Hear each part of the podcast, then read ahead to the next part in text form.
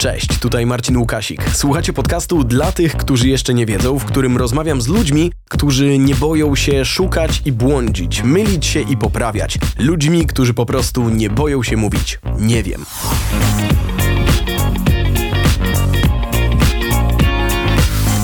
Żeby być jednym z najlepszych reportażystów w kraju, trzeba być wytrwałym, czasami nieugiętym i przede wszystkim ciekawym świata. Jego teksty i książki są oknem na kulturę czeską i bohemię, jakiej nie widać na pierwszy rzut oka. Sam zresztą powiedział, że gdyby nie nie wiem, to nie byłoby tych całych Czech w jego życiu. Reportażysta, dziennikarz i pisarz, który nieustannie poszukuje odpowiedzi, przez co nie zawsze może sobie pozwolić na reset. Moim, a przede wszystkim waszym gościem jest Mariusz Szczygieł. Partnerem cyklu jest Asus ZenBook z Windows 11 i certyfikatem Intel Evo. Laptop z wydajną baterią, która pozwoli na co najmniej 8 godzin pracy, zaprojektowany z myślą o tych, którzy jeszcze nie wiedzą. Dzień dobry moi drodzy, to jest podcast y, dla tych, którzy jeszcze nie wiedzą, a dzisiaj razem ze mną odpowiedzi na te najróżniejsze nie wiem będzie szukał pisarz, reportażysta Mariusz Szczygieł. Dzień dobry panie Mariuszu. Kłaniam się. Y, My tutaj w tym podcaście szukamy odpowiedzi na różnego rodzaju nie wiem, a bardzo mi się spodobało to, co pan powiedział w jednej z rozmów, że nie wiem w zasadzie w pana przypadku jest trochę zalążkiem do każdego rodzaju aktywności. Że to jest początek czy do pisania tekstu, czy do różnego rodzaju takiej aktywności zawodowej. Jak pan szeroko na to patrzy? Ja patrzę na to najszerzej jak się da. Po prostu wszystko się bierze z nie wiem, przynajmniej w moim życiu. Y, A już w życiu reportera, y, no to jest taka, takie nie wiem, które zaczyna drążyć człowieka, właściwie takiego, taki robak się pojawia w głowie i, i, i tak wierci, wierci, wierci. Ym, y, no i muszę się dowiedzieć, skoro nie wiem. Oczywiście y, pozostaje kwestią jakąś, do, do jakiegoś odkrycia, może u psychoanalityka czy u psychoterapeuty, dlaczego akurat to nie wiem mnie zaczyna dręczyć, a inne nie wiem nie. E, No, ale to pewnie wynika z jakichś przeżyć, może w dzieciństwie, może e, z cech charakteru. Natomiast podstawą jest nie wiem i im bardziej nie wiem, tym bardziej mnie to podnieca. E, Mówię o mojej pracy, chociaż na przykład w, jakiś, jakby to o, tak pomyślałem teraz o romansach, ale w romansach też. Im bardziej nie wiem, tym bardziej mnie to podnieca. W tym sensie, ja nie, nie mówię, że tam o szczegółach anatomicznych, ale, ale po prostu chodzi o osobowość drugiego człowieka. I, Okej. Prawda? Y, Jakaś ciekawość taka. Tak, bo jak jest wszystko podane od razu, no to... Mm, No nie No ma, to nie ma tak. za, no tak, no, no to nie ma tego... No to, Tego czegoś. Tak, tego czegoś. To wszystko opada człowiekowi. Ale, y, ale właśnie y, im, im bardziej nie wiem, y, pamiętam, no, pis, pisałem te historie czeskie, Mhm. przeróżne, y, w mojej książce Gotland na przykład, no to w ogóle całe te Czechy się wzięły z, z nie wiem. Przyjechałem do Pragi, proszę pana, pierwszy raz w życiu, 22 lata temu, ym, usłyszałem język czeski, dostałem orgazmu metafizycznego na dźwięk, bo to, to po prostu była muzyka, a nie język. Ym, I jeszcze dowiedziałem się, że moje nazwisko Szczygieł po czesku to jest Stechlik. Stechlik, nie Zdechlik, tylko Stechlik. I powiedziała mi pani, pani y, w tele, b- b- zamawiałem taksówkę na nazwisko Stechlik, bo Szczygieł nikt tam nie był w stanie po, powtórzyć. na ani Szczygieł nie przyjeżdżała. Na Szczygieł w ogóle tak, nic, nawet nie rejestrowali tego kursu, że ma przyjechać. I jak ona, pamiętam jak do mnie powiedziała, poczkajte pane Stechliku, przystawimy pro was wóz. Prawie jak psalm. No to ja teraz to czuję, jak sam to mówię. Yy, I, i, i, I usłyszałem ten język, potem zacząłem się interesować jakimiś, jak już tak załapałem różne, różne komunikaty do mnie zaczęły trafiać, zacząłem się interesować histor- historiami różnymi. Dlaczego coś jest tak, a dlaczego coś jest inaczej. Yy, I całe te Czechy się wzięły właśnie z nie wiem. Yy, I Więc tak, uczyłem się języka, yy, kupowałem płyty. Teraz już wy nie kupujecie płyt, wasze pokolenie, ale kupowałem płyty kompaktowe, CD. Po czesku CD to jest cedeczko. Kupowałem cedeczko na przykład. Tam był tekst piosenki, teksty piosenek Okej. i sobie te teksty przepisywałem do zeszytu yy, yy, i ze słownikiem tłumaczyłem.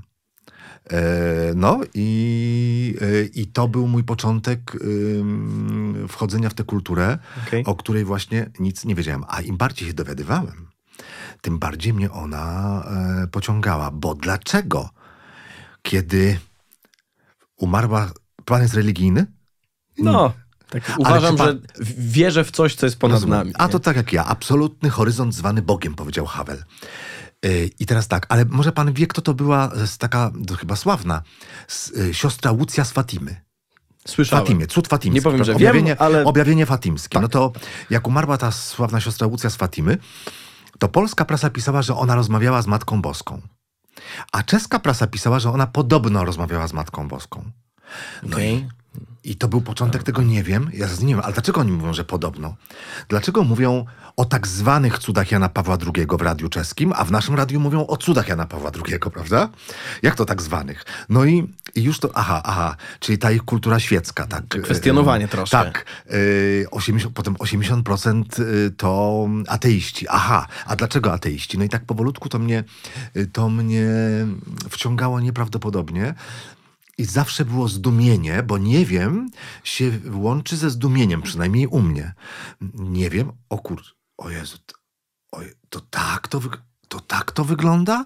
Zaraz, zaraz to, to ogłoszenia o seksie y, zbiorowym, to znaczy to po czesku jest grupać. E. Grupać, grupać, Grupać, grupa okej, i grupać. okej. I nagle jest budynek administracji domów mieszkalnych, a w jego podziemiach jest klub, ero, erotycki klub. I jest tam, że tam można się zapisać przez internet na ten grupać. Zaraz, ale jak to jest możliwe?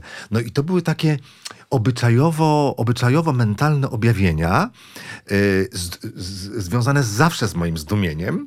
No i potem powolutku mm, usiłowałem się dowiedzieć, jak to jest, bo, bo, bo nie wiem.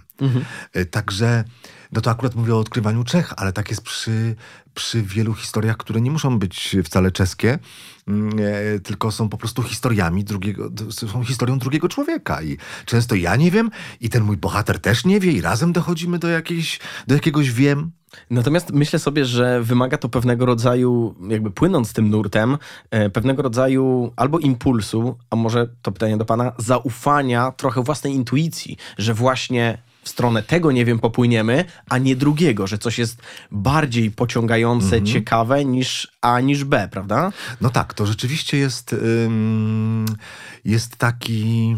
To, ale to jest tak jak z drugim człowiekiem, y, z kobietą czy mężczyzną, że się kogoś widzi, no i nic nie działa, prawda? Y, A kogoś innego się widzi i już chcemy go poznać. Okej. I często to jest niewyobrażalne. To tak też mnie pytają, no ale dlaczego te Czechy tak cię zainteresowały? I ja mówię, no nie wiem. Laska nebeska po prostu, czyli miłość nie z tej ziemi.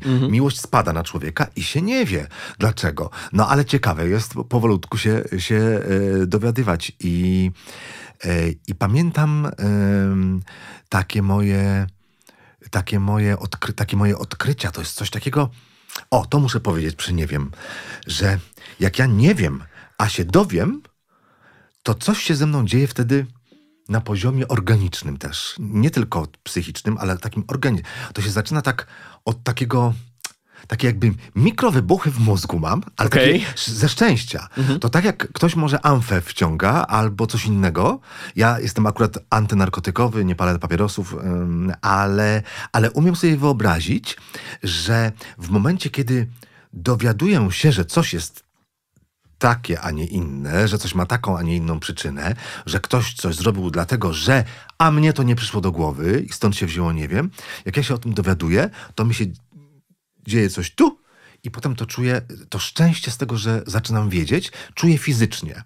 Yy, nie wiem, czy tak jest w innych zawodach. W zawodzie reportera tak po prostu jest. I, yy, i, i, bardzo często, jak rozmawiam z koleżankami reporterkami i kolegami reporterami, to naprawdę my mówimy o czymś takim jak jak szczęście reportera, że, że są takie sytuacje, że nagle y, przydarza się, y, znaczy przychodzi odpowiedź na pytanie, y, która w ogóle nie powinna przyjść. I ona nie miała prawa przyjść, a nagle to się, y, to się, to się zdarza i dostajemy jakiś, mówię to jako ateista, jakiś dar od Boga reporterów.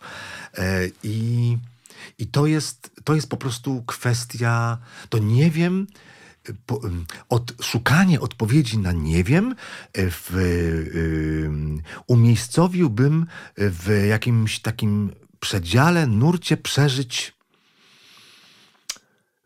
mm, psychiczno metafizycznych. O, że to jest coś, coś na, na, tym, na tym poziomie, jest ta radość z tego. Ale oczywiście, żeby się dowiedzieć, no to trzeba wykonywać pracę. To to już jest często mrówcza praca, to jest, Mhm. to jest często praca taka, bym powiedział, kopalniana, znaczy trochę górnicza, bo szuk, z- prawda, no, e, e, pogłębiamy temat, pogłębiamy, dowiadujemy się, lub detektywistyczna czasami. Mhm. Pamiętam taką historię, to już był jakiś trzeci czy czwarty rok mo- mojego zainteresowania się e, Czechami. Jeszcze tak chwilę o tych Czechach, To dobrze? oczywiście.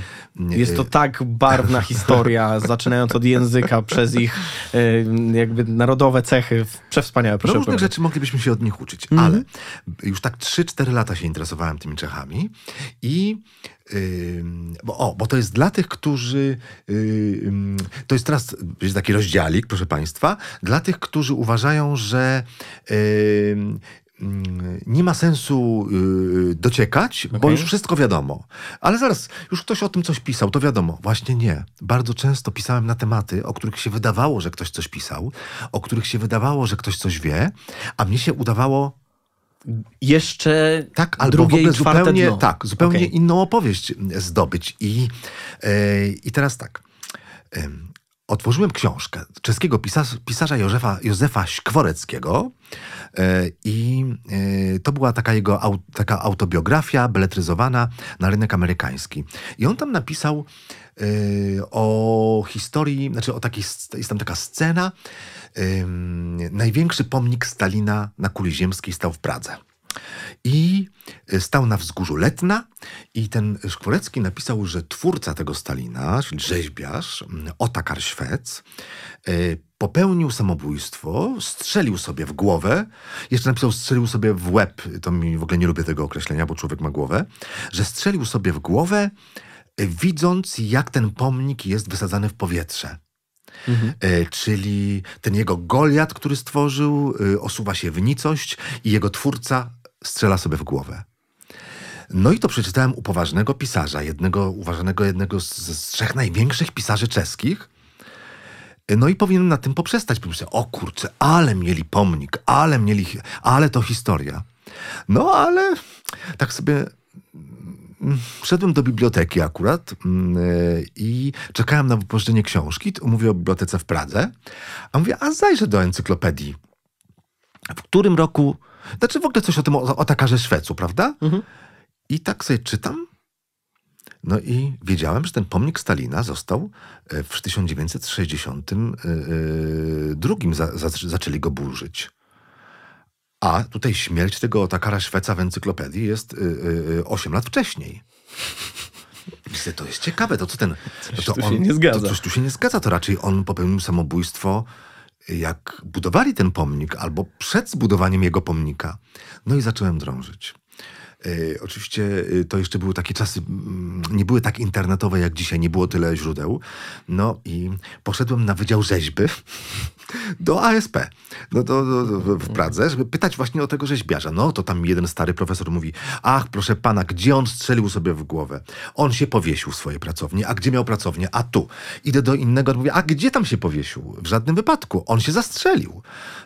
A gdzie miał pracownię? A tam, zupełnie w innym miejscu. I nagle się okazało, Szukam e, książek jakichś o tym pomniku, o tym rzeźbiarzu. Nie ma nic. Nie ma nic. Myślę, jak to jest 2003 rok, tyle już lat po komunizmie i y, y, nie opisano powstania i upadku największego pomnika e, Stalina na kuli ziemskiej, a ten pomnik powstał już po śmierci Stalina, w związku z tym to w ogóle było kuriozum. Jasne. E, No i zresztą wszystko to opisałem e, w, w Gotlandzie. Ale do czego zmierzam? No, gdybym ja się zadowolił tym, że y, y, sławny pisarz opisał tę historię w swojej książce, no to y, bym uważał, że wiem. A tu się okazało, założyłem, że jednak czegoś się jeszcze mogę dowiedzieć. No i historia była zupełnie inna. On popełnił samobójstwo, zanim odsłonięto jego pomnik, w ogóle nie doczekał jego upadku. Władze, żeby ukryć ten fakt, ponieważ to, no, to, to, to, było, to było coś najważniejszego wtedy dla Czechosłowacji komunistycznej, więc władze, żeby ukryć ten fakt, nie podpisały tego pomnika i przestaną mówić, że jego projektantem jest Otakar Szwec, tylko powtarzano i tam był napis, że twórcą pomnika jest komunistyczny lud. Tak, ludność Czechosłowacji Okej, jest twórcą okej. tego pomnika. Znaczy, chyba ich marzenia, ich pragnienia, ich y, identyfikacja z sowieckim... No, takie bardzo wygodne zdanie, e, tak? Ze Związkiem Radzieckim y, spowodowała, że zbudowali, że stworzyli ten pomnik.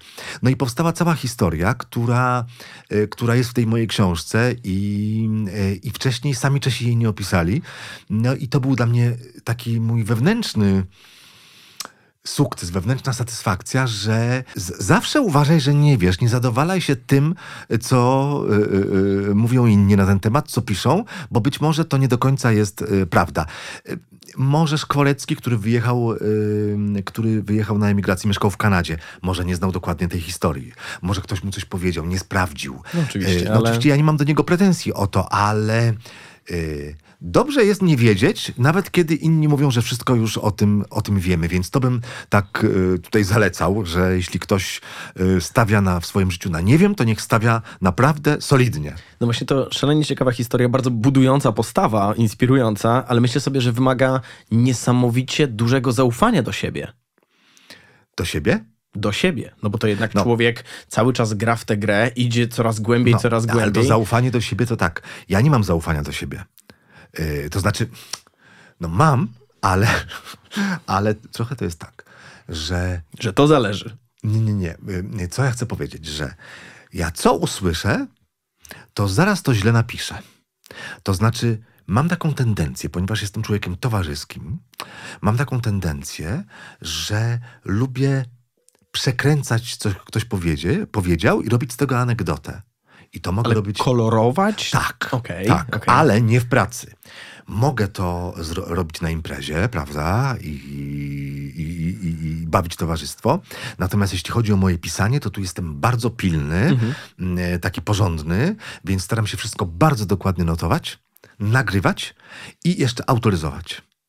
E, Jak oczywiście się da, bo jak już Otakar Szwec nie żył, no to nie mogłem tego Ciężko go zautoryzować. tak, zapytać. ciężko go o coś zapytać, oczywiście. Ale jak mogę, to ten temat opukuję, sprawdzam, e, wydzwaniam, potrafię mm, na przykład trzy razy pytać o to samo. Mhm. Bo wie pan, że, o to jest ciekawe, a propos, nie wiem, y, jak bardzo często się zdarza, że ktoś w poniedziałek o 13 mi na jakieś pytanie odpowiada inaczej niż w piątek o 17. Y, Ale to nie znaczy, że on kłamie, tylko spytany drugi raz dodaje nowe szczegóły. A spytany w następnym tygodniu w środę o 10 rano, chociaż 10 to jest dla mnie na pracę za wcześnie, yy, ale powiedzmy, że spytany o 10 rano w środę, to on mówi jeszcze nowe szczegóły dodaje. I wtedy z takich trzech rozmówek, to znaczy z trzech odpowiedzi na to pytanie, ja mam wspaniałą wypowiedź ze swojego reportażu, prawda? Mam jakąś scenę. Oczywiście teraz zachodzi pytanie, czy on to zmyślił, znaczy zmyślił. Dlaczego za pierwszym razem Właśnie, nie, tak tego nie powiedział? No bo może się jeszcze dokładnie nie zastanowił, bo może się spieszył, a może ja się spieszyłem. A może dopiero potem sięgnął głębiej i sobie poprzypominał. Mm, ale może mnie, może chciał ubarwić, żeby wydać się inteligentniejszym, żeby wydać się ciekawszym, żeby zaistnieć w tekście, żeby, a, szczególnie napiszę książkę, to może ja... No i tutaj, ale oczywiście, więc tak, mamy te trzy odpowiedzi i ja z nich wreszcie mogę zrobić coś, co jest satysfakcjonujące, w sensie materiału, prawda, reporterskiego, no ale trzeba to zweryfikować. No i teraz em, nie powiem, przepraszam, mam wrażenie, że pan kłamie, bo mi się nagle wycofa z tekstu, Ale jakoś trzeba zweryfikować. ale jakoś trzeba zweryfikować. Więc to są różne metody. Na przykład mówię, panie Zenonie, to jest po prostu fascynujące, co pan mówi. To jest tak ciekawe. Y, Ja bym jeszcze chciał, żeby mi jeszcze ktoś coś dodał. Czy jeszcze ktoś to widział? Dobre, fajne, Może fajne. pana brat, może kolega, może mama, prawda? Tak, tak, tak. No i już mamy... I widać, czy pan Zenon chętnie mamy poleca, czy może oczywiście, jednak- Że tak, oczywiście. I Ciekawe. wtedy ja nie... Nie, nie stawiam go w sytuacji, że ja jestem jakimś prokuratorem, który mówi, no proszę pana, ym, y, kto jeszcze może zweryfikować pana, y, pana opowieść? To Ciekawe, ale nie wierzę. Nie, nie. Raczej ja mówię, że to jest bardzo interesujące, bo naprawdę mnie to wbiło w fotel, panie Zenonie, ale y, y, y, jeszcze bym chciał jakichś szczegółów. I, wte, i- i wtedy tak. Mm, Oczywiście dzisiaj w epoce internetu mnóstwo rzeczy możemy sprawdzić. Yy, I zresztą ha, nasi czytelnicy, nasze czytelniczki to są, to są dzisiaj najlepsi weryfikatorzy, bo yy, yy, ludzie już byli wszędzie, wszystko widzieli i w związku z tym yy, bardzo często się zdarza, że coś jeszcze dodają do, do różnych, yy, prawda, do, do, do jakichś kwestii. Ja na przykład yy, czasami na moim Instagramie albo na Facebooku też pytam. Słuchajcie, kto coś wie o czymś, o tym, o tym, o tym, o tym, o tym. Oczywiście każdy może wiedzieć coś innego i każdemu się może wydawać, że to jest um, jego prawda, czyli absolutna prawda. Absolutnej prawdy Mm. nie ma. Jest tylko prawda danego człowieka na dany temat. W związku z tym, w związku z tym e, można czasami w reportażu napisać, e, że jest pięć osób i każda mówi coś innego na ten sam temat. To też jest jakiś obraz, prawda? Jakiegoś, jakiegoś Że zjawiska. dajemy czytelnikowi do weryfikacji, Oczywiście. które spojrzenie jest ciekawe. Oczywiście. Poza tym ym, ja zakładam, to znaczy wierzę w ludzi, lubię ludzi. Mam w ogóle apetyt na człowieka to jest taki mój główny apetyt. I, i, i zakładam, że, y, że ci, których spotykam, chcą mi pomóc w tym moim nie wiem. Że oni nie kłamią celowo. Oni mogą kłamać nieświadomie. I to, jest, to, to się zdarza często. Y, Są przekonani, że coś się wydarzyło, a to jest, y, i że na przykład w czymś brali udział, a wcale w tym nie brali udziału. E, Tylko to są przeżycia cudze, którymi zostali zaszczepieni. Im się wydaje, że to są ich przeżycia. To jest taki e, sławny taki neurolog e, i pisarz Oliver Sacks, który napisał taką piękną książkę, to wszystkim polecam. Mężczyzna, który pomylił żonę z kapeluszem. On opisuje tam w literacki sposób różne przypadki neurologiczne. Właśnie co w ogóle mózg potrafi, no, że facet żonę pomylił z kapeluszem i to, że powiem, żadna w tym jego wina, to jest wina jego mózgu. No i sam ten Oliver Sacks okazało się, kiedy, mm, kiedy opisywał y, swoje dzieciństwo, swoją młodość, to pisał o bombardowaniu Londynu, którego rzekomo był świadkiem w czasie II wojny światowej, a on nie był wtedy w Londynie. To były przeżycia jego brata, jego starszego brata, który mu to wszystko opowiedział. Mhm. W związku z tym yy, on jako dziecko to przejął, dowyobraził sobie i miał te przeżycia, a potem brat to zweryfikował. Bo nasza pamięć, nasza pamięć nie jest szafką, e, do której włożymy mm, coś i po trzech latach czy 33 wyciągniemy to samo. Włożymy do tej szafki, znaczy ona jest szafką, ale w tej szafce wszystko to buzuje. E, Znaczy ta, ta, ta pamięć e, pracuje jak jakieś ciasto e, drożdżowe i, i wszystko przez, przetworzone przez pamięć jest czymś innym. I teraz ten człowiek może być przekonany, że to, że to właśnie tak było. No i dlatego my się czasem zabezpieczamy. E, Czyli piszemy jakby, że to jest świadectwo tego człowieka, prawda? Że to jest jego opowieść. Wkładamy my to, tylko opowiadamy tę historię. Wkładamy to w jego usta, a ja jako reporter nie biorę tej narracji na siebie, bo na siebie ten, tę narrację musiałbym wziąć, jakby mi jeszcze to inni potwierdzili. Inni, jakieś książki, jakieś źródła historyczne. No, pewnego prawda? rodzaju odpowiedzialność. Wtedy, tak, że, że wtedy ta narracja ode mnie bardziej obiektywizuje tę historię, ale jak to jest pojedyncza historia, to na tych oazach religijnych czy w różnych takich grupach się mówi, że ludzie dają świadectwo, opowiadają coś o sobie, o tym, co im się przydarzyło, w związku z, na przykład z Bogiem, e, jakieś przeżycia religii, dają świadectwo czemuś. No i ja to tak nazywam, to jest takie danie świadectwa, ale bardzo subiektywnego świadectwa. I I bardzo e, często się zdarza, że kłamiemy, nie wiedząc, że kłamiemy. Dam panu taki przykład. Znaczy, może nie kłamstwa, ale ja sam miałem taką historię z policją. mm, Archiwum X, teraz, no to takie polskie Archiwum X, które wraca do historii sprzed wielu, wielu lat. No i wrócili do pewnego morderstwa. Znaczy, ja nie miałem w tym udziału, ale. No to ale... dobrze, że wyjaśniliśmy. Trzydzieści kilka lat temu znaleziono e, u zamordowanego zdjęcie z kolacji, na której ja byłem. U niego. Mhm. E, I zaczęto szukać wszystkie osoby z tej e, kolacji i się okazało, że one nie żyją. I żyje tylko ja. Ale one nie były zamordowane. Nie, nie, nie. To po prostu taki przypadek, że Minęło tyle czasu. tak, nie żyje ten, który nas zaprosił i nie żyją ci, którzy, którzy mm, e, byli tam ze mną. Był pan ostatnim świadkiem. Jeszcze jeden żył kolega, Darek. I, i, yy, no i yy, pamiętam, że zeznawałem w tej sprawie wtedy i teraz po 30 latach znów mnie wezwano, bo się pojawiły jakieś nowe tropy i proszono mnie, żebym sobie przypomniał wszystko, co wiedziałem na temat tego człowieka. Ale I zeznawał pan ponownie. Zaznawałem ponownie. I jestem w tym Pałacu Mostowskich na parterze. Y, To jest, jak ktoś ogląda poza Warszawą, to jest taka nasza jakaś główna komenda, taka kryminalna policji. Jestem w tym Pałacu Mostowskich, bardzo miły pan oficer. y, Prowadzi mnie po schodach i na tych schodach mówi wie pan co, tak jeszcze pana spytam poza protokołem. Miał on w domu broń? Ja mówię, jak to? A który to był rok, przypomnijmy? Tak, Y, mniej więcej. No, to kiedy ja byłem w mieszkaniu tego człowieka, to były lata 80. Mhm. Okej. A teraz mamy rok 2000, to był 2018 czy 17, jakoś tak. No to jednak sporo lat minęło. I on mówi, miał, czy miał on w domu pistolet? No i tak idziemy po tych schodach. Ja mówię, pan, co, nie wiem, ale, ale może pan sobie przypomni. Może pan coś pamięta. Czy miał pistolet? No i teraz, proszę pana, dzieje się taka rzecz ze mną. Y, y, Prowadzi mnie ten oficer po schodach i potem się okazało, że bardzo długi jest korytarz do jego pokoju, tego tam, gdzie on te przesłuchania. No i im bardziej idę po tych schodach, tym bardziej moja wyobraźnia lub moje wspomnienia mnie wyprzedzają i się pojawiają sceny.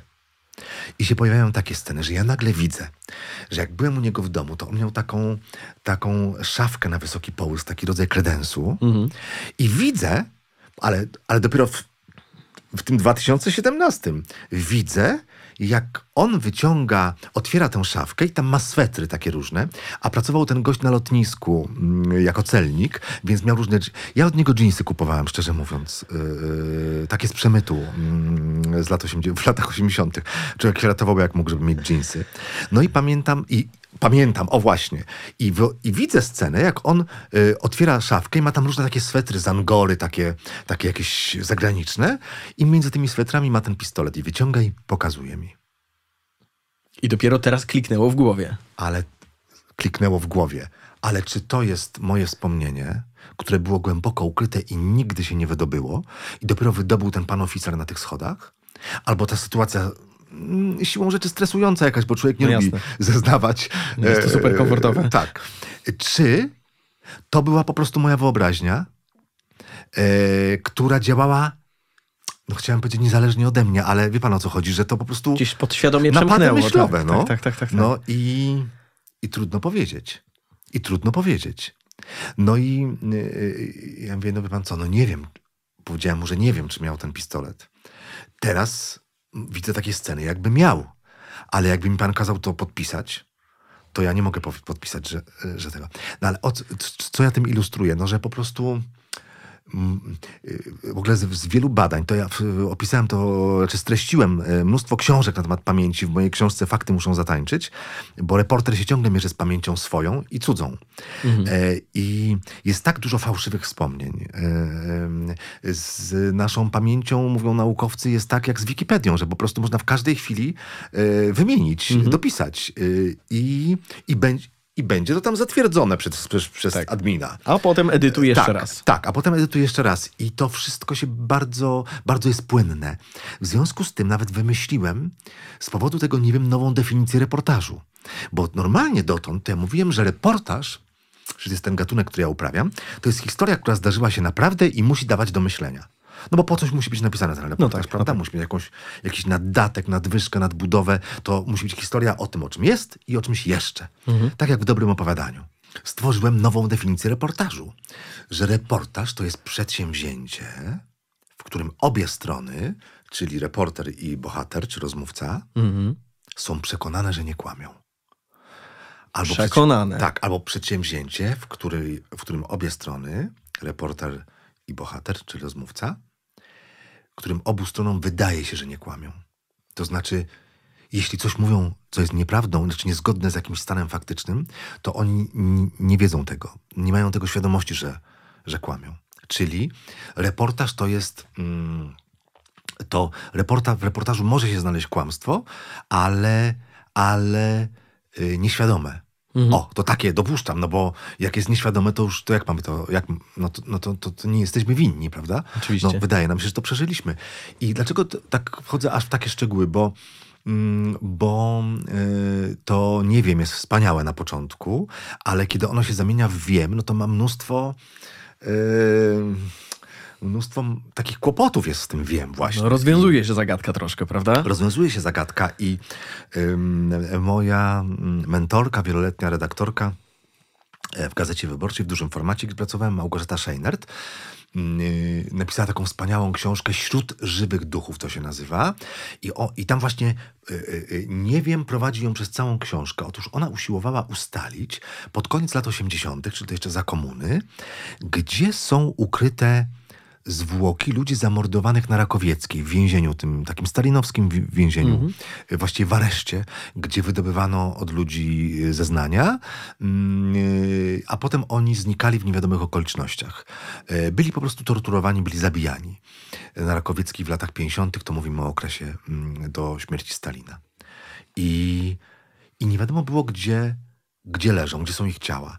I ona y, poświęciła na to bardzo dużo czasu, to było kilka lat. Y, napisała książkę, która jest takim pamiętnikiem, takim dziennikiem dzień po dniu. I to w ogóle wspaniałe śledztwo, ale dotarła do byłych więźniów, którzy przeżyli. No i od każdego się chciała dowiedzieć, czy jak oni siedzieli w tych celach, to czy słyszeli, jak się wywozi ciała? I jedna pani jej powiedziała, tak, słyszałam, to było zawsze nad ranem. I wywozili y, ciała tych zabitych wózkiem mleczarskim. Że niby mleko, przyje, y, mleko Przy- przywożono, a wywożono trupy. Drugi pan siedział w tym samym czasie. Mówi, to nigdy nie było nad ranem, to było zawsze wieczorem i przyjeżdżał wóz konny. Y, Inna pani mówi, nie, to było normalnie za dnia wywozili te ciała. Po prostu przyjeżdżała ciężarówka, niby z jakimiś towarami, z jakąś dostawą e, i wywożono, wywożono te ciała zapakowane e, w takie kontenery spożywcze. I jeszcze inni rozmówcy mieli trzy inne wersje. Było bodajże sześć wersji. Sześć wersji. I wszystkie prawdopodobne. I wszystkie prawdopodobne. I co ma zrobić ta reporterka? No i ja jestem właśnie ze szkoły Małgorzaty Scheinert i uważam, że reporter nie jest sędzią. No nie jest sędzią, bo nie jest sędzią. tak. No, musi przyjąć te wszystkie prawdy. Każdy, yy, każda z tych osób jej powiedziała naprawdę w dobrej wierze to, co wiedziała, co czuła, co jej się wydawało. I Małgorzata napisała ten akapit tak. E, ciała wywożono tak. I teraz wszystkie wersje, Wersje, dała, a okej. w nawiasie nazwisko osoby, która jej to podała. I być może, że tylko jedna z tych wersji była prawdziwa. Komuś się wydawało, bo ktoś coś powiedział, prawda? Albo ktoś zauważył, coś źle zauważył przez, mm, prawda, dziurkę mm, w oknie. Y, A może wszystkie były prawdziwe? Może wywożono ciała na wszystkie możliwe sposoby i o różnych porach. No trudno, nie wiemy tego, ale w jakiś sposób, no jednak już się zbliżamy do, e, do jakiejś prawdy, która e, no jest jak kalejdoskop czasami, jest wielo, bym powiedział, jest wieloprawdą, ale to nie znaczy, że to nie wiem, nie powinno nas pociągać i fascynować. To, to, to że prawd jest wiele, Jasne. bo jest, jest wiele subiektywnych prawd, a nie ma tej jednej absolutnej, mm, no może gdyby to, to nie jest nic złego. Może gdyby zachowały się protokoły z tego, e, to byśmy wtedy mogli się dowiedzieć, jak było e, naprawdę. Chociaż to też nie wiadomo, czy to byłaby prawda, bo może ci e, SB-ty, ci funkcjonariusze e, fałszowaliby te sfałszowali, no e, protokoły. Także, no ale...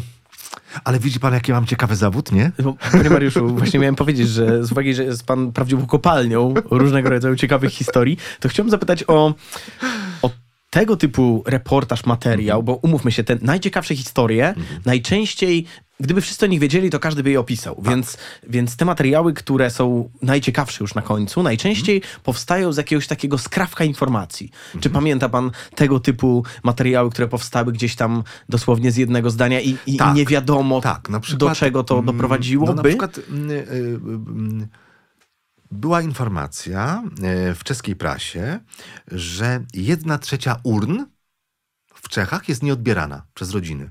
Mhm. No i bardzo mnie to zainteresowało, jak, to jedna trzecia urn.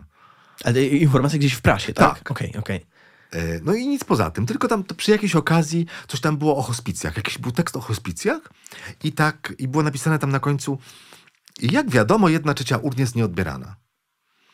No to Gdzie Coś tutaj no, się- Gdzie tutaj w ogóle uderzyć? E, no to najpierw zapytałem moją wydawczynię.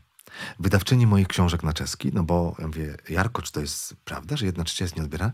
No, ona mówi, no, no, no mo, może tak jest, ale na przykład ja swojego męża, ja swojego I- I- Jirzy- Jiřího, czyli Jerzego, y, ja odebrałam, ale powiem ci, wiesz, że tak jeszcze z dwa tygodnie trzymałam tę urnę w domu. Boże, jakie to było piękne, mówi Jarka.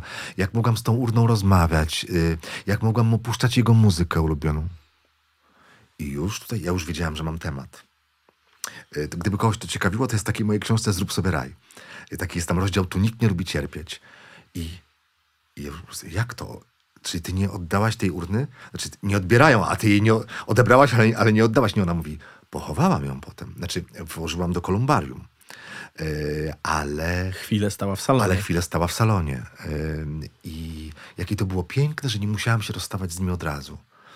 Wy to tak w Polsce szybko się rozstajecie z tymi zmarłymi. Od razu pogrzeb, ciach, a jednak tak jeszcze pobyć z tą osobą, z tym najbliższym. I zaczęła mi mówić historię o miłości po prostu. Mhm. Gdzie natychmiast zrozumiałem wszystko, że w tym nic nie ma złego czy niepokojącego.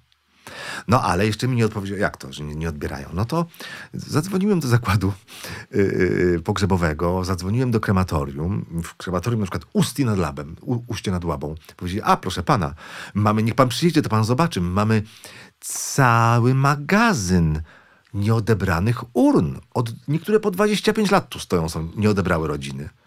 Ja mówię zaraz, ale częściej się nie odbiera młodych czy starszych? Nie no, starszych mówi, rodziców nie odbierają. Ja mówię, a częściej e, ojców czy matki? Nie no, matki częściej są nieodbierane. Matki się niech zastanowią nad tym, dlaczego są częściej nieodbierane. I no i tak powolutku zaczęło mnie to fascynować. Mm, e, I, I co puknąłem, a sami Czesi by tego nie powiedzieli, bo dla nich to nie, to nie jest żadne, no, o czym tu opowiadać, prawda? E, ale, ale jak zacząłem wypytywać, to o taki mój kolega od razu mówi, słuchaj, no ja mam, wiesz, bo kolega jeden mój mówi, koło komputera, to trzymał swoją matkę ze trzy lata. Ale pięć lat jej nie odbierał z krematorium. Po pięciu latach odebrał i jeszcze ją trzymał przez trzy lata, zanim ją pochował. Przy komputerze. I ja mówię, Jezu, daj mi do niego telefon. No dobrze, ale nie wiem, jak ty, jak go, jak go namówisz. No i teraz przy tym moim nie wiem, o właśnie, Mm, bo przy nie wiem nie możemy być, właśnie to już, ale to już mówiłem, nie możemy być prokuratorami, nie możemy być sędziami śledczymi, nie możemy być kimś, kto szuka tej prawdy bezwzględnie. Ja raczej jestem człowiekiem, który mm, jest przyjazny ludziom i y, wiedziałem, że jak zadzwonię do mężczyzny, który nie odebrał przez pięć lat mamy z krematorium, no to no to no, no nie mogę go stawiać pod ścianą, prawda? No tak. I wpadłem na taki pomysł, który stosuję w Czechach, mianowicie mówię, najpierw mówię, że jestem pisarzem z Polski, nie, że dziennikarzem, bo dziennikarze mają bardzo, ja bardzo pana przepraszam, bo to pana zawód, y, ale dziennikarze mają złą prasę w Czechach. Się kojarzą, a, a dziennikarz, a reporter jeszcze gorzej, reporter się kojarzy z takim jakimś programem y, sensacyjnym w telewizji Żeby komercyjnej. Tak, nagłówki. tak, tak, tak. Albo z tabloidem. Tak. Więc ja e, mówię, że jestem pisarzem z Polski. A ponieważ Czesi bardzo dużo czytają, więc u nich spisowatel, spisowatel, czyli pisarz, to jest bardzo poważna persona. Ale Polska jest dla nich też poważnym krajem, bo oni uważają, że my nie mamy poczucia humoru. Oni tym- uważają, że my nie mamy poczucia humoru. mhm, mhm. Fascynujące. Więc to pełna powaga.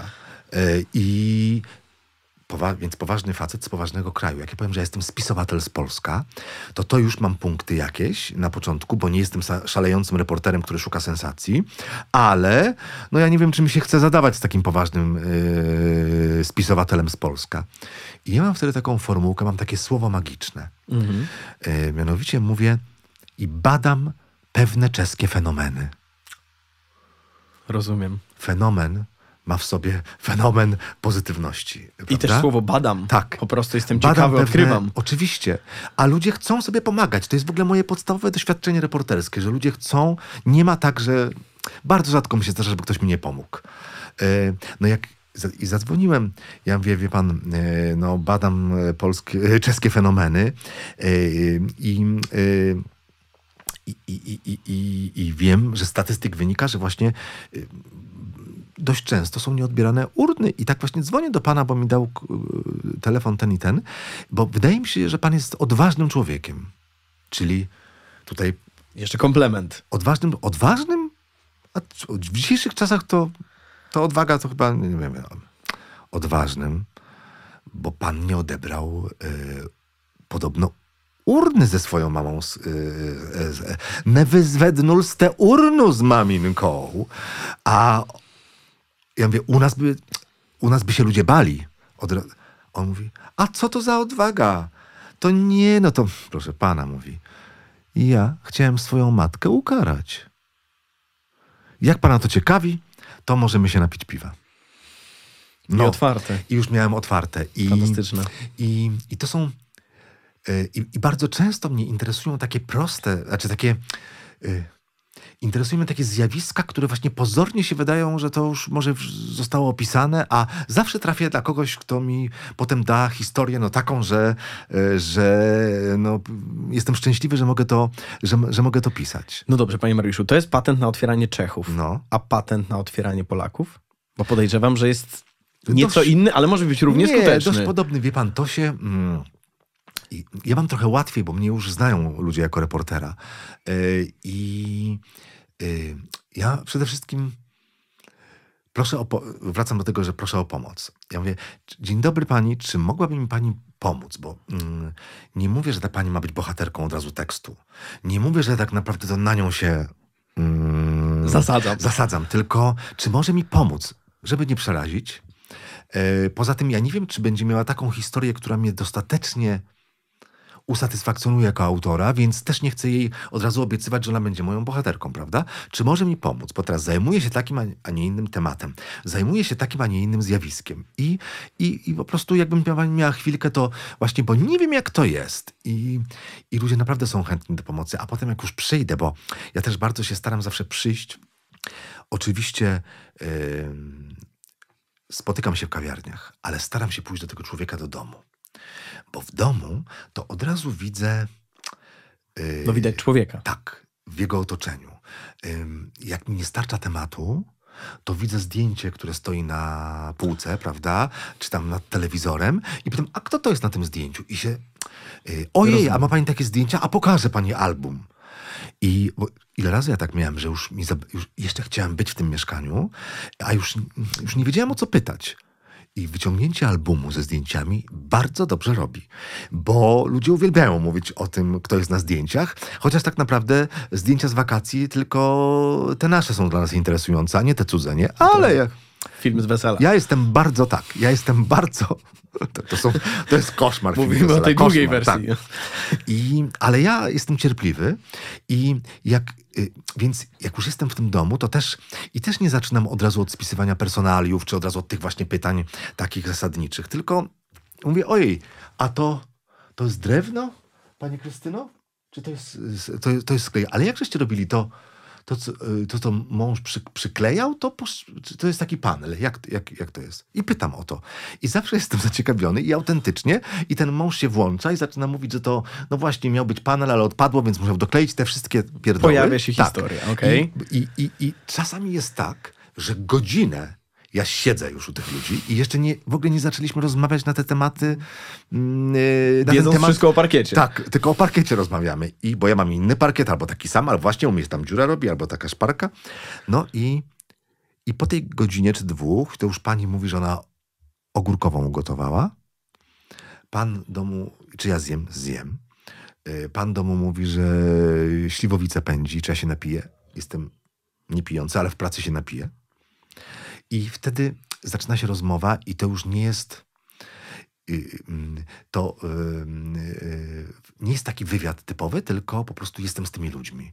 I y, mogę się dowiedzieć właśnie wielu rzeczy, których nie wiem i których by nie powiedzieli tak normalnie, gdybyśmy się spotkali w kawiarni, bo by się może cenzurowali, może e, by się czuli trochę mm, oficjalnie, no więc staram się zawsze taką nieformalną, e, nieformalną, e, znaczy staram się, ja się nie muszę starać, bo po prostu taki jestem, że nie tworzę dystansu zbyt e, wielkiego, więc, więc tak to wygląda. Panie Mariuszu, myślę o tych, którzy nas słuchają i na przykład zastanawiają się, Mhm. chcieliby pisać. e, szukają własnego stylu.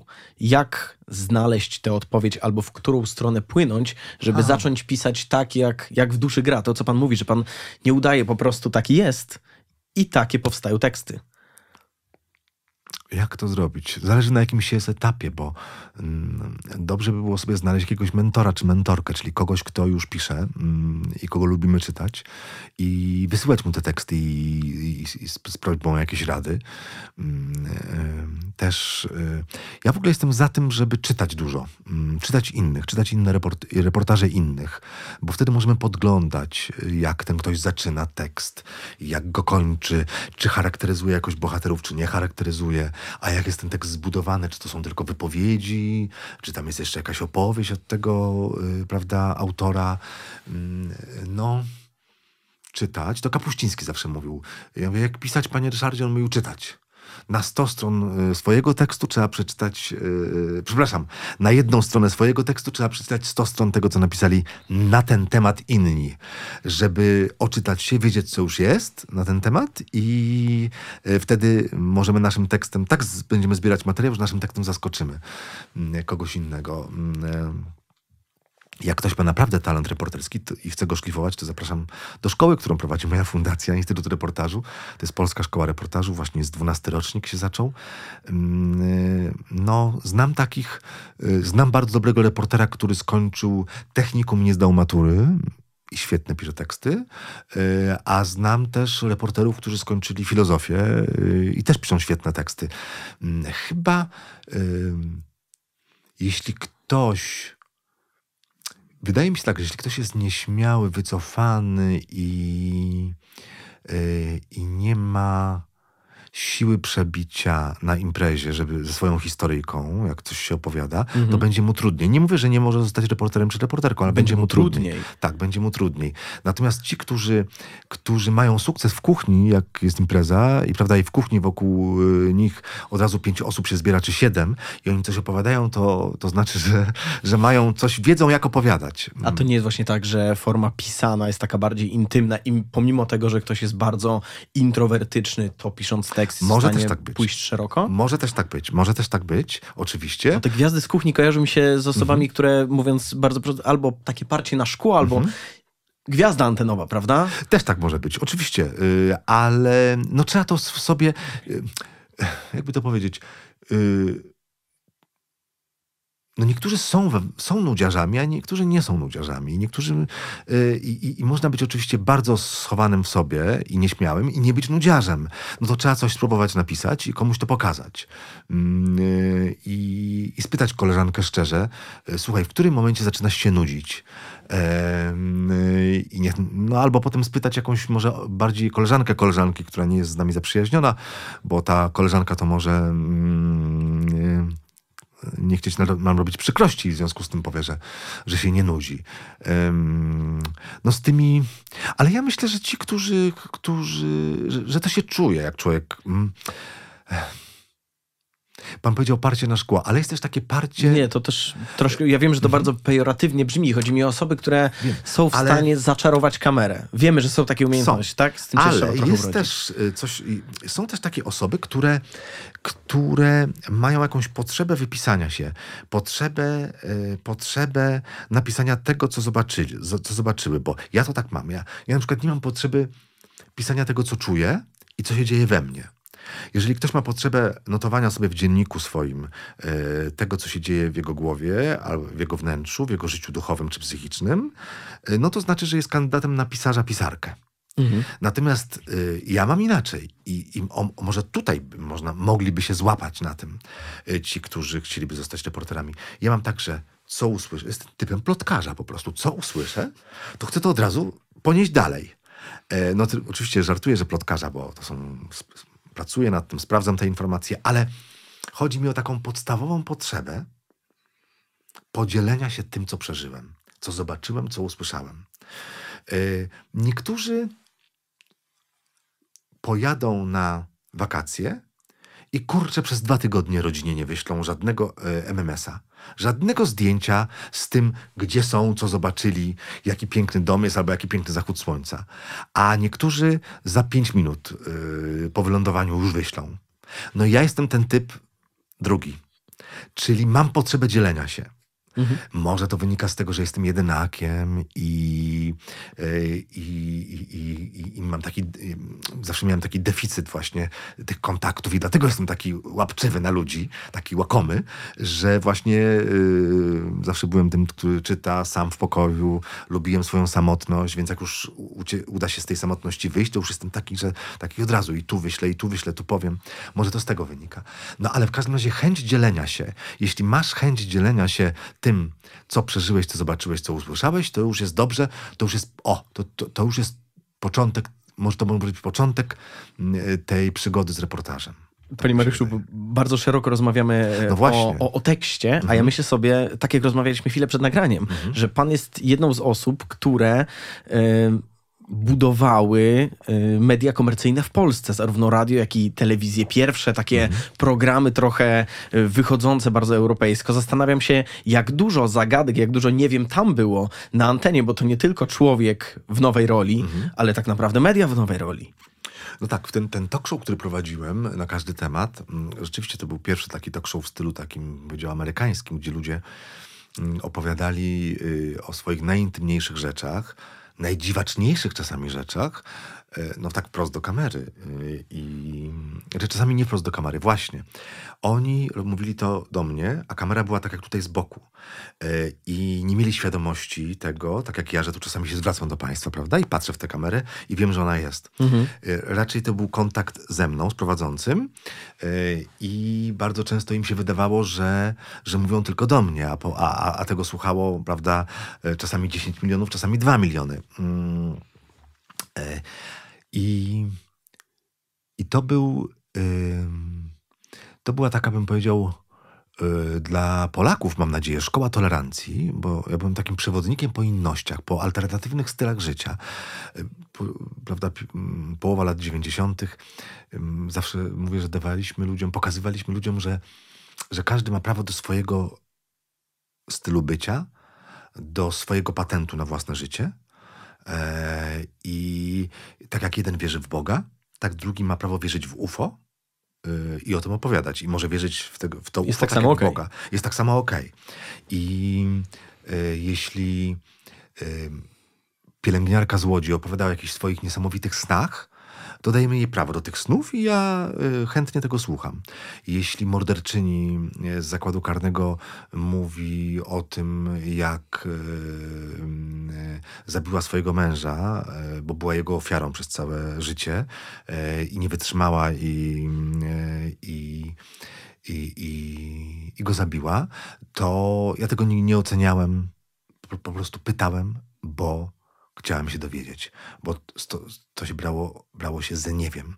Oczywiście um, zadawałem te, mnóstwo takich pytań prostych. Takich pytań, a jak, a dlaczego, a co na to rodzina, a, a co pani wtedy myślała, e, po co tam pani poszła, e, no jak się, jak się pani wtedy czuła, co pani zobaczyła. To jest bardzo, co pani, czy pan zobaczył, to jest bardzo, w ogóle bardzo ciekawe pytanie. Co pan zobaczył? Tak, co pan zobaczył, bo wtedy y, nasi rozmówcy nam Yy, starają się budować scenę, a, a, reportaż powinien mieć sceny. Czyli opowiada całą tak, historię tak, tak naprawdę. Tak, okay. tak, tak, bo re, repor, reportaż powinien mieć sceny i y, bardzo często pytamy, no jak się pani wtedy czuła, a nie wiemy, gdzie ona, właściwie gdzie ona to czuła. No to, to może niech opowie całą, całą scenę, kto jak wyglądał, jak, jak, jakie, jakie to było miejsce, kto jak się zachowywał i więc mnóstwo, mnóstwo szczegółowych pytań i reżyser zawsze mi mówił, słuchaj, nie podążaj za kartką i za swoimi pytaniami.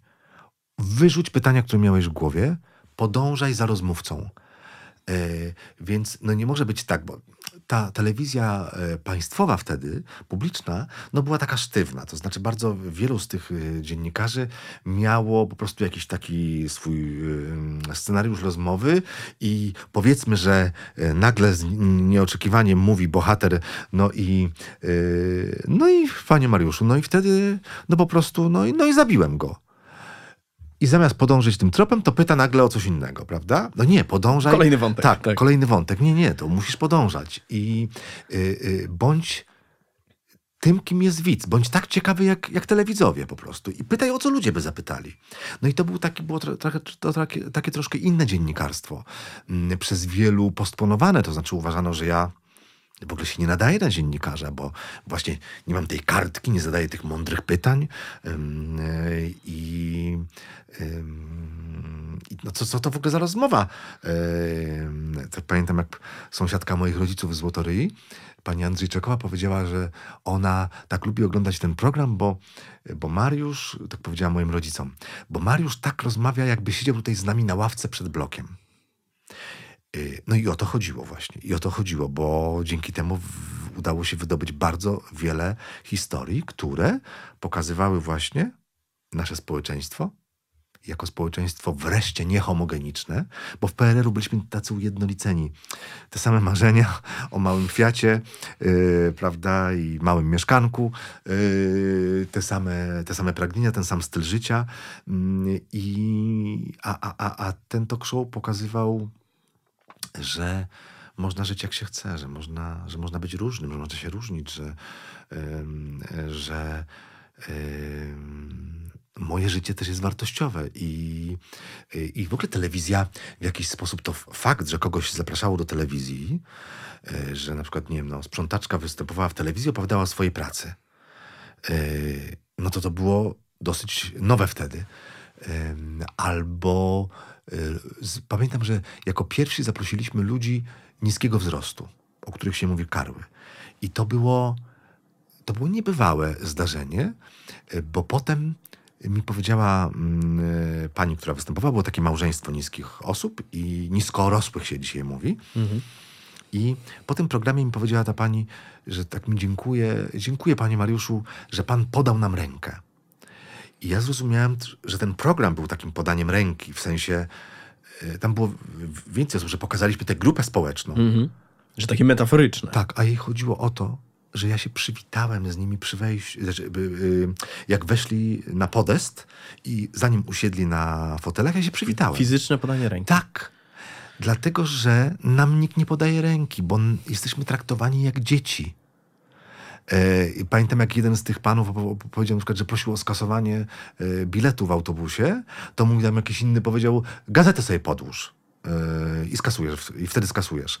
Więc to było takie traktowanie, mówi, wie pan, od kiedy pan się z nami tak ładnie przywitał w studiu, to u nas na osiedlu w ogóle taki szacunek dla nas nastał. To są słowa tej pani. Mhm. Więc więc to był e, media komercyjne oczywiście. Ja wiadomo, że liczyła się oglądalność. E, nie będę, się oszuki- nie będę oszukiwał, że nie.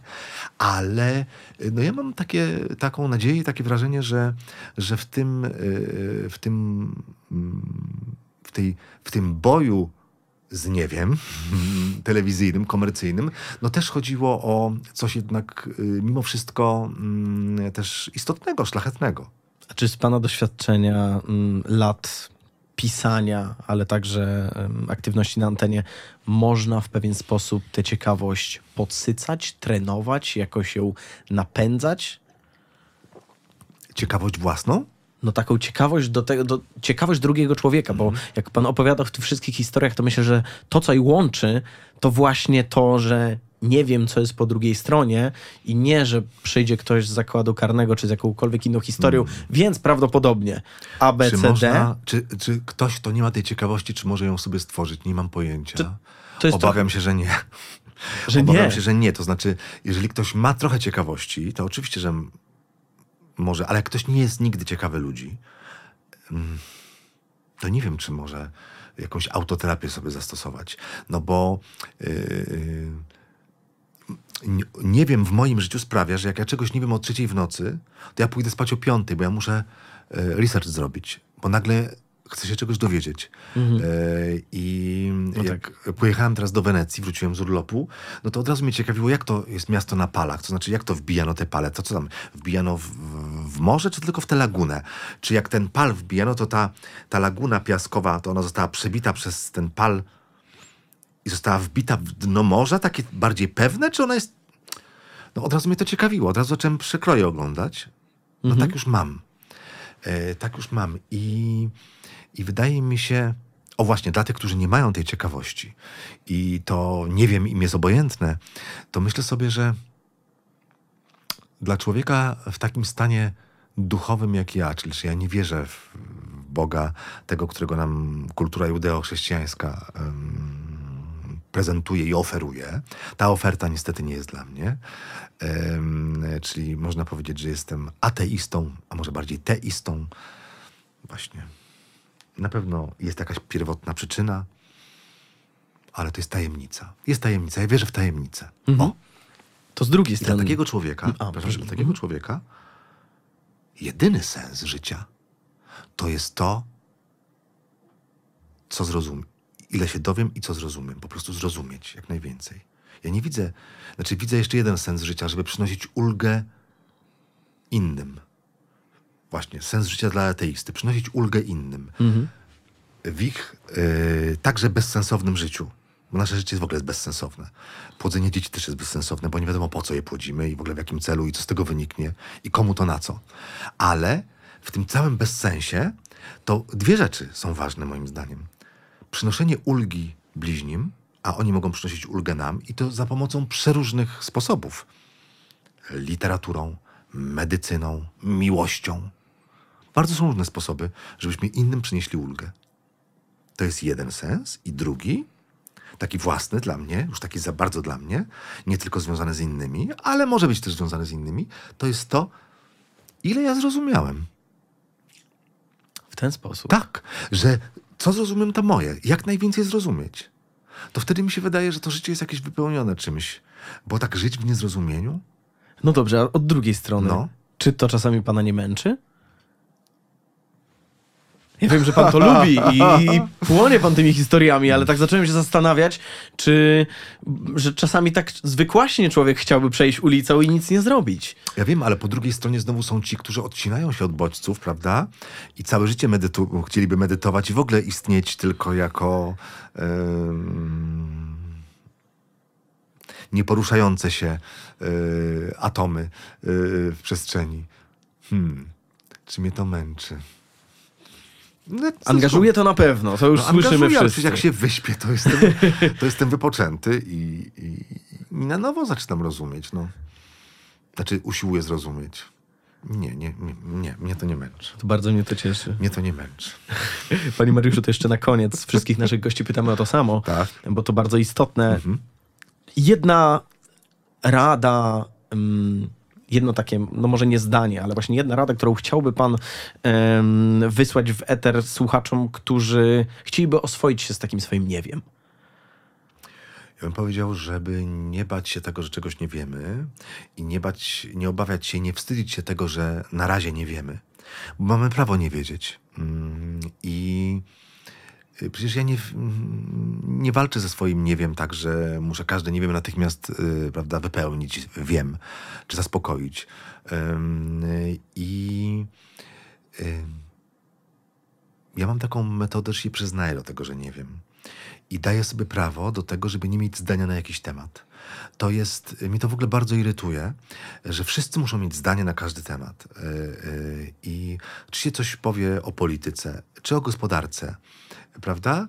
To no każdy ma jakieś zdanie, a yy, najczęściej, o, najczęściej jesteśmy głęboko o czymś przekonani, czego się dowiedzieliśmy przed chwilą. Że tak bardzo, bardzo szybka taka... przez po prostu nagle się dowiedzieliśmy czegoś, albo y, tam kawałek, y, kawałek jakiejś wiadomości w telefonie y, między jednym przystankiem a drugim, jak jedziemy autobusem. I ja już wiem. I ja już wiem, już jestem, wychodzę i już jestem głęboko o tym przekonany.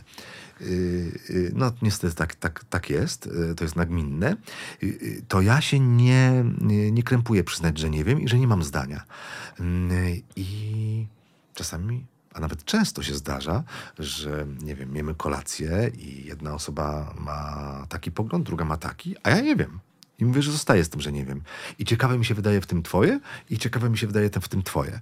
E, oczywiście jest kwestia mojego osobistego stosunku do danego tematu Mm, i być może wtedy, kiedy właśnie ten mówi to, ten mówi to, a ja nie wiem, biorę się za research i zaczynam badać po swojemu, żeby wiedzieć, a czasami po prostu to nie wiem, z tym nie wiem zostaje. E, I daję sobie prawo do tego, y, że nie przeczytałem, znaczy, że jestem niedoczytany. Mówi się, że są ludzie oczytani i nieoczytani, a ja jestem w trzeciej grupie niedoczytanych. Po prostu nie doczytałem mnóstwa rzeczy. I, i, czyli jestem oczytany, ale niedoczytany. Yy, czyli umiem cytować z wielu, z wielu książek, ale wielu nie przeczytałem. I żałuję, że nie przeczytałem i nie mam czasu, żeby, przeczytać. I się tego nie wstydzę. Yy, Także chyba, yy, chyba jak się przyznamy do tego, że czegoś nie wiemy, to to nam da poczucie bezpieczeństwa. Nikt nam wtedy nie, nie będziemy się obawiać ośmieszenia, bo przecież ja już powiedziałem, że nie wiem, prawda? Nikt mnie nie przyłapie na tym, że nie wiem. Ja po prostu nie wiem. Natomiast jednak to jest fajne, żeby tak po cichutku to śledztwo prywatne, osobiste yy, w sprawie nie wiem zacząć. Czy jedno na zewnątrz, drugie troszkę do środka. W Nie no, to po sensie- prostu nie wiem, ale a nuż mnie to zaciekawi, no i może powolutku, powolutku zacznę się czegoś dowiadywać. To bardzo ładne zdanie. Ja tylko przypomnę, że w poszukiwaniu odpowiedzi na różne nie wiem wspierał nas laptop Asus ZenBook 14 na platformie Intel Evo z systemem Windows 11. Panie Mariuszu, dziękuję za... No myślę, że gdyby to spisać, to taką, taka mała książka mogłaby się ukazać. Mnóstwo historii. Dziękuję serdecznie za Pana jej obecność i, i historię i, i podzielenie się nimi. Bardzo się cieszę. Yy, Ja tylko jeszcze chciałem powiedzieć, że to nie wiem jest dobrym też stanem, bo zwracam taką uwagę na to, że nie wiem to jest łącznie 7 liter. 7 liter to jest 100%. To z tego obliczyłem, że nie to jest około 43%, tam w zaokrągleniu, a wiem 57. Czyli, że w nie wiem już jest 57% potencjalnego wiem. Do zobaczenia Państwu. Bardzo się cieszę, że w tej humanistycznej rozmowie pojawiły się wątki matematyczne. E, Przypominam, że wszystkie odcinki podcastu dla tych, którzy jeszcze nie wiedzą, e, znajdziecie we wszystkich serwisach streamingowych oraz na YouTubie. E, Obserwujcie, subskrybujcie i też podzielcie się swoim nie wiem, bo mogą być to ciekawe historie. Panie Mariuszu, jeszcze raz dziękuję. Dziękuję bardzo. Do zobaczenia, do usłyszenia.